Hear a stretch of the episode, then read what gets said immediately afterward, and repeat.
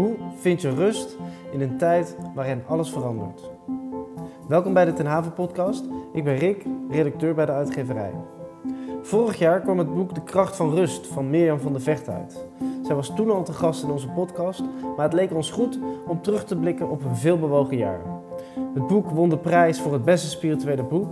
Er is blijkbaar een behoefte naar rust. Tegelijkertijd was het een jaar waarin er veel veranderde.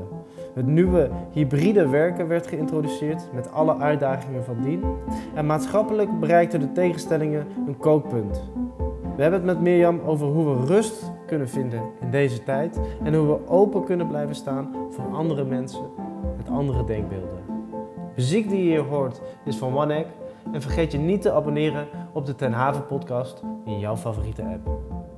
Vorig jaar eh, kwam jouw boek De Kracht van Rust uit. Uh, het was een veel bewogen jaar, maar jouw boek won um, in begin van 2021 een hele leuke prijs. De prijs voor het beste spirituele boek uh, van het jaar. Wat voor impact heeft dat gehad? Nou, allereerst was ik natuurlijk enorm verrast en dankbaar dat dat zo was. En ja, toen ontstond er eigenlijk een, ja, hoe zeg je dat? Een soort stroom, zo noem ik het. Ehm op allerlei plekken mocht ik over het boek komen spreken. Uh, enorm veel verschillende mensen. Ik denk ook doordat het boek de prijs heeft gewonnen, dat meer uh, verschillende doelgroepen dat boek zijn gaan lezen, vermoed ik zo. Dus enorm veel verschillende soorten mensen hebben het boek gelezen. Ik heb ontzettend veel contacten gelegd, lezingen, trainingen gegeven op allerlei plekken, internationaal zelfs.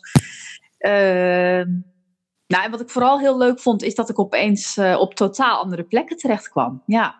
Wat voor plekken dan? Uh, nou, bijvoorbeeld bij een internationaal bloemenbedrijf, uh, ja. waar ik zeg maar uh, een, een, lezing mocht geven voor een, voor een heel internationaal publiek. maar ook bij directies. Ik heb heel veel. Ik, ik, ik, train, ik, ik trainde al wel managementteams en directies, maar dat is echt fors uitgebreid. Ehm, dus zo zat ik op een dag aan het strand met de directie van Nederlandse hypotheekgarantie bijvoorbeeld. Uh, ja, uh, allerlei plekken waar ik ja. normaal uh, niet uh, direct mijn contacten zou hebben. Maar dat is dan zo leuk. Het boek is, is dan jouw, jouw lijntje. Ja. En, samen, en je merkt gewoon dat heel veel mensen op alle, op alle fronten en alle vlakken behoefte hebben aan hoe, hoe, hoe, integreer ik rust op een natuurlijke manier in mijn leven en in mijn werken. Ja, en het afgelopen jaar was natuurlijk ook nog raar met meerdere lockdowns. Met dan weer even vrij, dan weer naar, naar werk toe. Um, heb je het idee dat mensen in die coronatijd juist meer of minder rust hebben genomen? Uh, nou, als ik heel eerlijk ben, op de locaties waar ik allemaal gesproken heb, was het juist vaak een probleem. Hoe neem je de rust uh, te midden van de hectiek? Want uh, zeker op werkniveau, als je het hebt op werkniveau, maar ook mensen met gezinnen thuis. Um, uh, er was misschien wel meer rust, maar er was ook veel meer aanpassingsvermogen nodig. Uh, bovendien zorgen al die veranderingen ook voor een zekere mate van stress. Waardoor mensen zich echt afvragen van ja, maar hoe doe ik dit nu? En wat ik tegelijkertijd ook merkte, dat mensen die juist meer rust hadden, daar echt heel onrustig van werden. Want omdat rust dan zo ongewoon is in je leven, denk je bij jezelf, ja, maar wie ben ik eigenlijk als ik helemaal niks doe? Dus ik heb ook een significante aantal mensen op de bank gehad en nog steeds die bijvoorbeeld uh, bedrijven hadden die opeens uh, ja, stopten. En, en, en wie ben ik dan nog? Dus dat soort vragen. Dus zowel mensen die meer rust nodig hadden, omdat je continu achter je computer zit en hoe, hoe, hoe bewaak je dan de rust? Mm-hmm. als mensen die echt alles van de een op de andere dag viel stil in hun bedrijf. En wie ben ik dan nog? Dus ja, voor wat betreft rust is het echt een jaar geweest. En nog steeds, denk ik. Dat is, eh, dat is, dat, dat is blijvend. Uh, waarin mensen vragen hebben van... Hey, hoe doe ik dat dan? En hoe werkt dat dan? En ja. wie ben ik als ik niks doe, inderdaad? Ja. Ja, want er zijn eigenlijk verschillende ontwikkelingen gaande. Enerzijds heb je dus op, op werkniveau dat iedereen het nieuwe werken aan het introduceren is. Anderzijds zijn er maatschappelijk nog allerlei onrustigheden, om het maar even zo te zeggen, die, die spelen. Ja. Om even bij dat eerste te beginnen, dat het, het nieuwe woord wat helemaal in de mode is, is hybride werken. Ja. Um, ben je daar eigenlijk positief over? Uh, nee, daar ben ik helemaal niet zo heel positief over, zal ik heel eerlijk zeggen. Ehm, ja, ik, ik hou ervan uh, als we met één groep bij elkaar zijn en je mensen op dezelfde manier kan bedienen. Dus ik ben zelf als trainer niet zo enthousiast over dat hybride werken. Je moet heel goed weten wat je doet, ook technisch gezien. wil je daar de rust in bewaren, merk ik zelf. Maar het kan wel als, als, je, als je het heel goed geregeld hebt. dus als je de techniek heel goed geregeld hebt. Ehm, nou ja, los daarvan, los van het technische geheel, ik denk wel dat we in een samenleving terechtkomen waar dit steeds meer een, een feit zal zijn. Uh, en hoe ga je er dan mee om? Hoe bedien je de verschillende groepen op een goede manier? En, en mag het ook uh, een, een vorm van leren zijn of moet het direct helemaal perfect? Dat is ook wel mijn vraag. Kijk, en ik heb zelf wel zoiets van, ik kies het liefst voor één ding. Ik kies of voor offline of ik kies voor online. En op, op zo'n moment ben je met z'n allen bij elkaar. En dan, uh, dan kun je gewoon met elkaar bespreken wat nodig is. Ja. Maar dat zeg ik even als trainer zijnde. Voor wat betreft de rust denk ik heel erg, het is heel belangrijk dat je de verschillende behoeftes duidelijk hebt in je groep. Dus uh, als iedereen de behoefte heeft om evenveel aandacht te krijgen en er helemaal bij te zijn, nou dan vergt dat gewoon wat van je. Ja, en, uh, en het, dus werk, het thuiswerken en het, en het op kantoor werken, dat die afwisseling, is dat juist fijn, denk je, voor mensen? Of ja. Ja, ik hoor van eigenlijk, uh, dat blijkt ook uit onderzoeken die ze tot nu toe hebben gedaan, dat de meeste mensen ongeveer uh, zeker minimaal twee dagen of uh, twee à drie dagen thuis willen blijven werken. Omdat heel veel mensen dat heel prettig vinden. En dat heeft simpelweg te maken met het feit dat je dan meer autonomie hebt. Je kan je dag zelf indelen. Uh, je kunt heel makkelijk mensen bereiken via die online meetings. Uh, dus daar is wel, um, dat geeft ook een zekere mate van, van rust. Uh, ook die reistijd die er niet meer is. Maar ik denk vooral dat die autonomie een hele grote rol speelt. Want gebrek aan autonomie zorgt er ook voor dat heel, veel, heel vaak mensen burn-out raken. Nou, want dan word je geleefd als het ware. Ja, dan word je geleefd en dan uh, is, er zijn te veel prikkels. Uh, de kantoortuin wordt natuurlijk vaak genoemd. Ik, ik sprak laatst iemand die zei, nou als ik nu naar kantoor ga, dan neem ik een, mijn Noord-canceling hoofdtelefoon mee. Want iedereen tegen me te kletsen. Ik word helemaal gek. En uh, nou ja, dat is natuurlijk ook wel bewezen dat die kantoortuinen, die, die leveren gewoon enorm veel afleiding. Zodat je gewoon continu niet uh, uh, geconcentreerd op je werk kan focussen. En ik schrijf in de kracht van rust over die vier gouden uren die je per dag hebt, waarin je echt je concentratie en tijd aan iets kan geven. Nou, die vier gouden uren kunnen mensen heel vaak op hun, als, als ze goed thuis kunnen werken, dan lukt het heel goed om daar invulling aan te geven. Maar aan de andere kant is het gevaar wel van thuiswerken dat je niet denkt dat je vier gouden uren hebt, maar dat je tien gouden uren hebt. En dat je dus echt aan het einde van de dag echt als een soort vaatdoek achter je, achter je scherm zit. Dus dat is de grote uitdaging voor thuiswerken. Dus het niet maar eindeloos doorgaat. Nee, nee, hou het dan ook echt bij die uh, vier gouden uren waar je je concentratieklussen doet. En, en, en plan daaromheen wat andere luchtige werkzaamheden. En, en ga wandelen of uh, ja, weet je, doe, doe, een, doe een vergadering al wandelend uh, met je telefoonbewijs spreken. Of zorg wel dat je even een collega ontmoet, dat je elkaar ergens face-to-face -face treft. Want anders word je wel heel, word je echt een, heel efficiënt. maar efficiënt betekent niet gezond per definitie. Nee dat ik echt dagen achter mijn laptop zit. Dan word je echt helemaal gaar van. Ja. Dat is ja. echt uh, niet, niet prettig. Nee. nee. Uh, we hebben het inderdaad nu gehad over dat professionele leven, wat dan helemaal eigenlijk uh, opnieuw wordt uitgevonden. Um, en waar de uitdaging dan ook is om daar dan rust in te vinden. Aan, aan de andere kant leven we al nou, bijna, bijna twee jaar, maar toch een ruime anderhalf jaar met, met corona, wat er voor heel veel onrust zorgt. En waar ik het idee heb dat we eerst nog een soort samenhorigheid hadden, de eerste twee maanden misschien, is dat, uh, is dat nu verzoek. Ja, dat is echt verzoek nu. Uh, hoe kijk jij daar tegen, tegenaan? Nou ja, ik denk zelf dat het heel erg te maken heeft met. Uh, ik moet denken aan, die, aan een van die lessen die ik in mijn boek geef. Beoordeel de dag naar wat je zaait, in plaats van naar wat je oogst. Uh, en daar heb ik het heel erg over uh, verschillende behoeftes van mensen.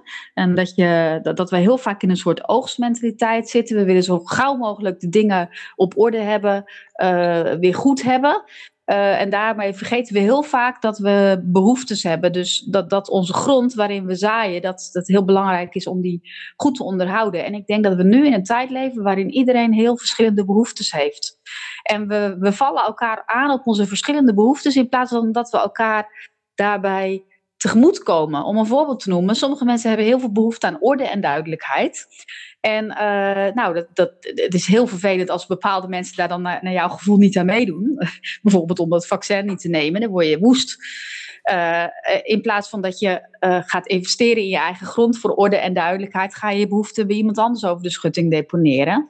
En aan de andere kant heb je mensen die hebben behoefte aan vrijheid. En die leggen die behoefte bij iedereen neer, in plaats van dat ze uh, die behoefte bij zichzelf houden. Dus we zijn continu, uh, ik zeg wel eens, we zijn een beetje aan het oogsten op andermans veldje. Uh, oh, ja. Terwijl, ja, en dat heeft helemaal geen zin. Dus het is echt letterlijk alsof je bij iemand over de schutting kruipt en daar even de oogst van het land wil halen en, en, en boos bent. Terwijl ja. als je het hebt over een zaaimentaliteit, dat betekent dat je verantwoordelijk bent voor je eigen zaaigoed. Beoordeel de dag naar wat je zaait in plaats van naar wat je oogst.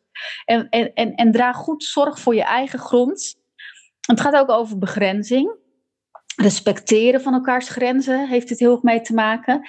En ik denk zelf, doordat we zo lang in een maatschappij leven waar we allemaal in een oogstmentaliteit zitten, ja, is dit ook een beetje een soort het gevolg wat er dan gebeurt. Want je bent. Uh, ja, ik, ik vind het heel intrigerend om te zien. Ik denk, wow, wat zou het mooi zijn als we elkaars behoeftes zouden respecteren en daar gewoon dus uh, als je goede buren hebt en de een heeft wat minder en de ander heeft wat meer, dat je met, met elkaar zou ruilen, bij wijze van spreken.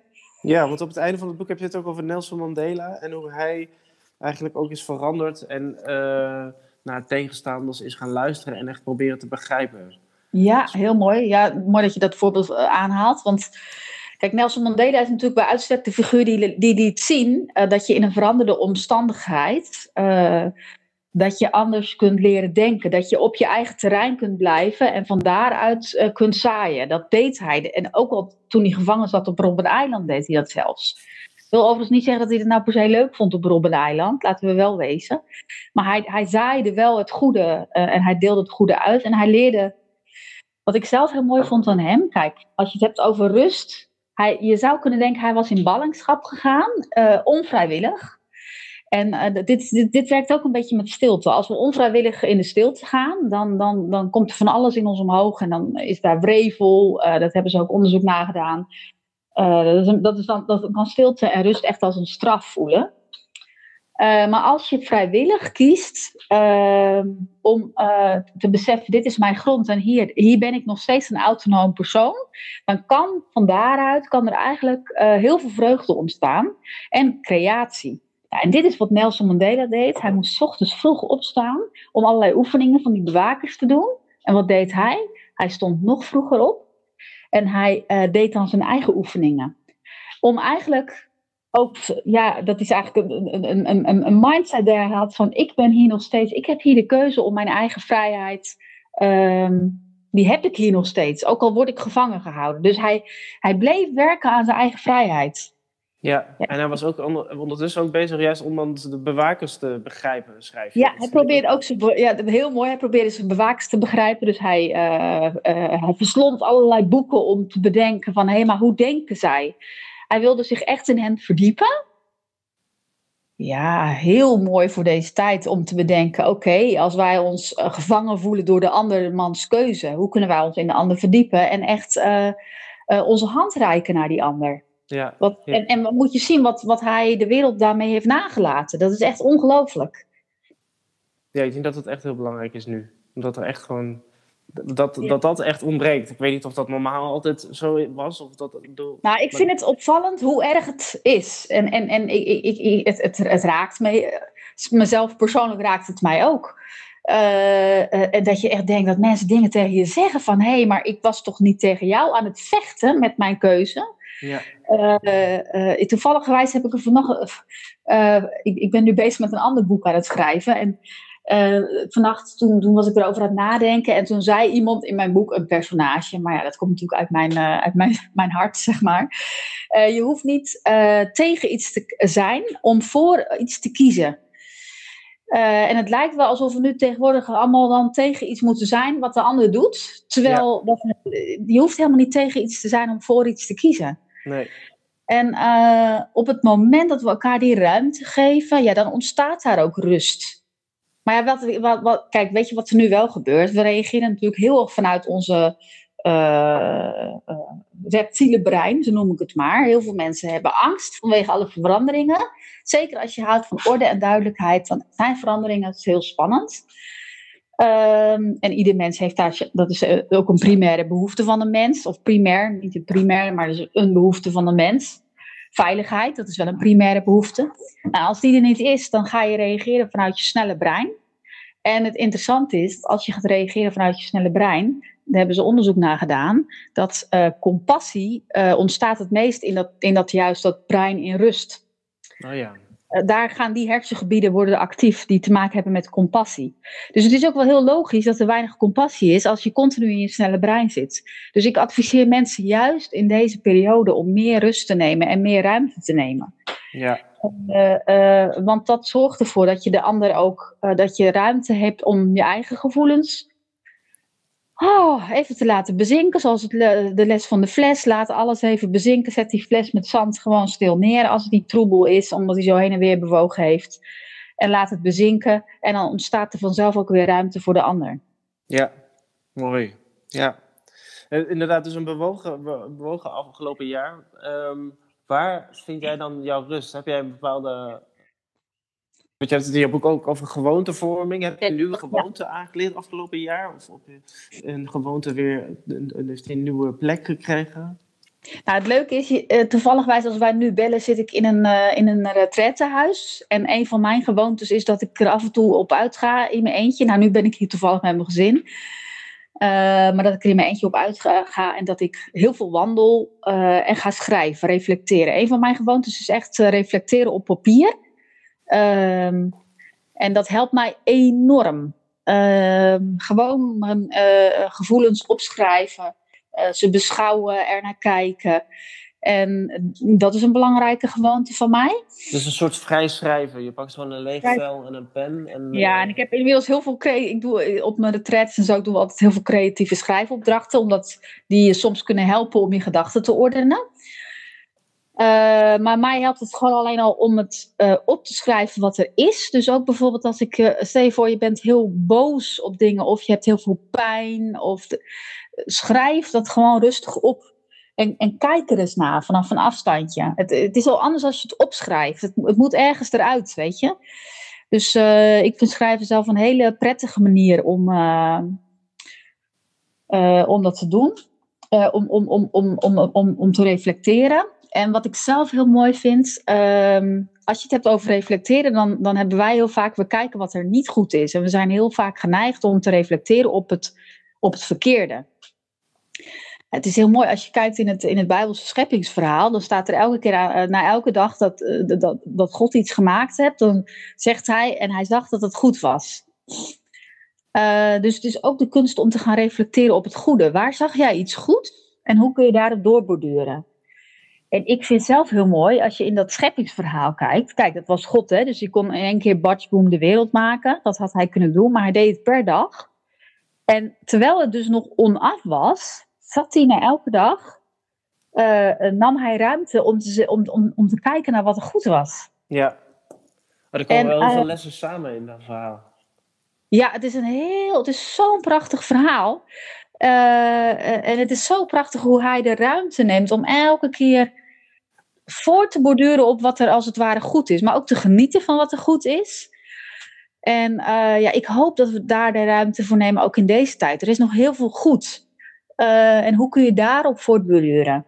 Ja, Los van alles wat onaf is. Dat is natuurlijk een van mijn laatste uh, levens, leefregels in, die ik in het boek beschrijf. durf onaf te zijn. Want ja, er is gewoon genade. Genade is de basis van alles. Ja. Dus als we, de, als we de luisteraar één, één uh, tip mogen meegeven, dan zou dat zijn: schrijf vanavond eens even op wat er vandaag goed ging. Ja, wat ging er goed en wat mocht je zaaien vandaag? Ja. En uh, ik, toen was aan het einde van de dag, welke drie dingen mocht ik zaaien? En het is ook heel belangrijk om te kijken wat zaaien. Want uh, sommige dingen die je zaait, die leveren alleen maar verdeeldheid en verwarring. Kijk, als je, als je wil dat er verdeeldheid en verwarring op jouw grasveld staat uh, over een tijdje, dan moet je dat vooral zaaien. Ja. Maar als je wil dat iets anders uh, groeit, ja, dan is het heel belangrijk om te bedenken, maar wat zaai ik dan? Ja, mooi. Ja. Nou, dankjewel. Alsjeblieft. Leuk dat je luisterde naar de Ten Haven podcast met Mirjam van der Vecht. Wil je meer weten over het boek De Kracht van Rust? Kijk dan op www.uitgeverijtenhaven.nl Wil je op de hoogte blijven van nieuwe afleveringen van de Ten Haven podcast? Vergeet je dan niet te abonneren in jouw favoriete app. Tot de volgende keer.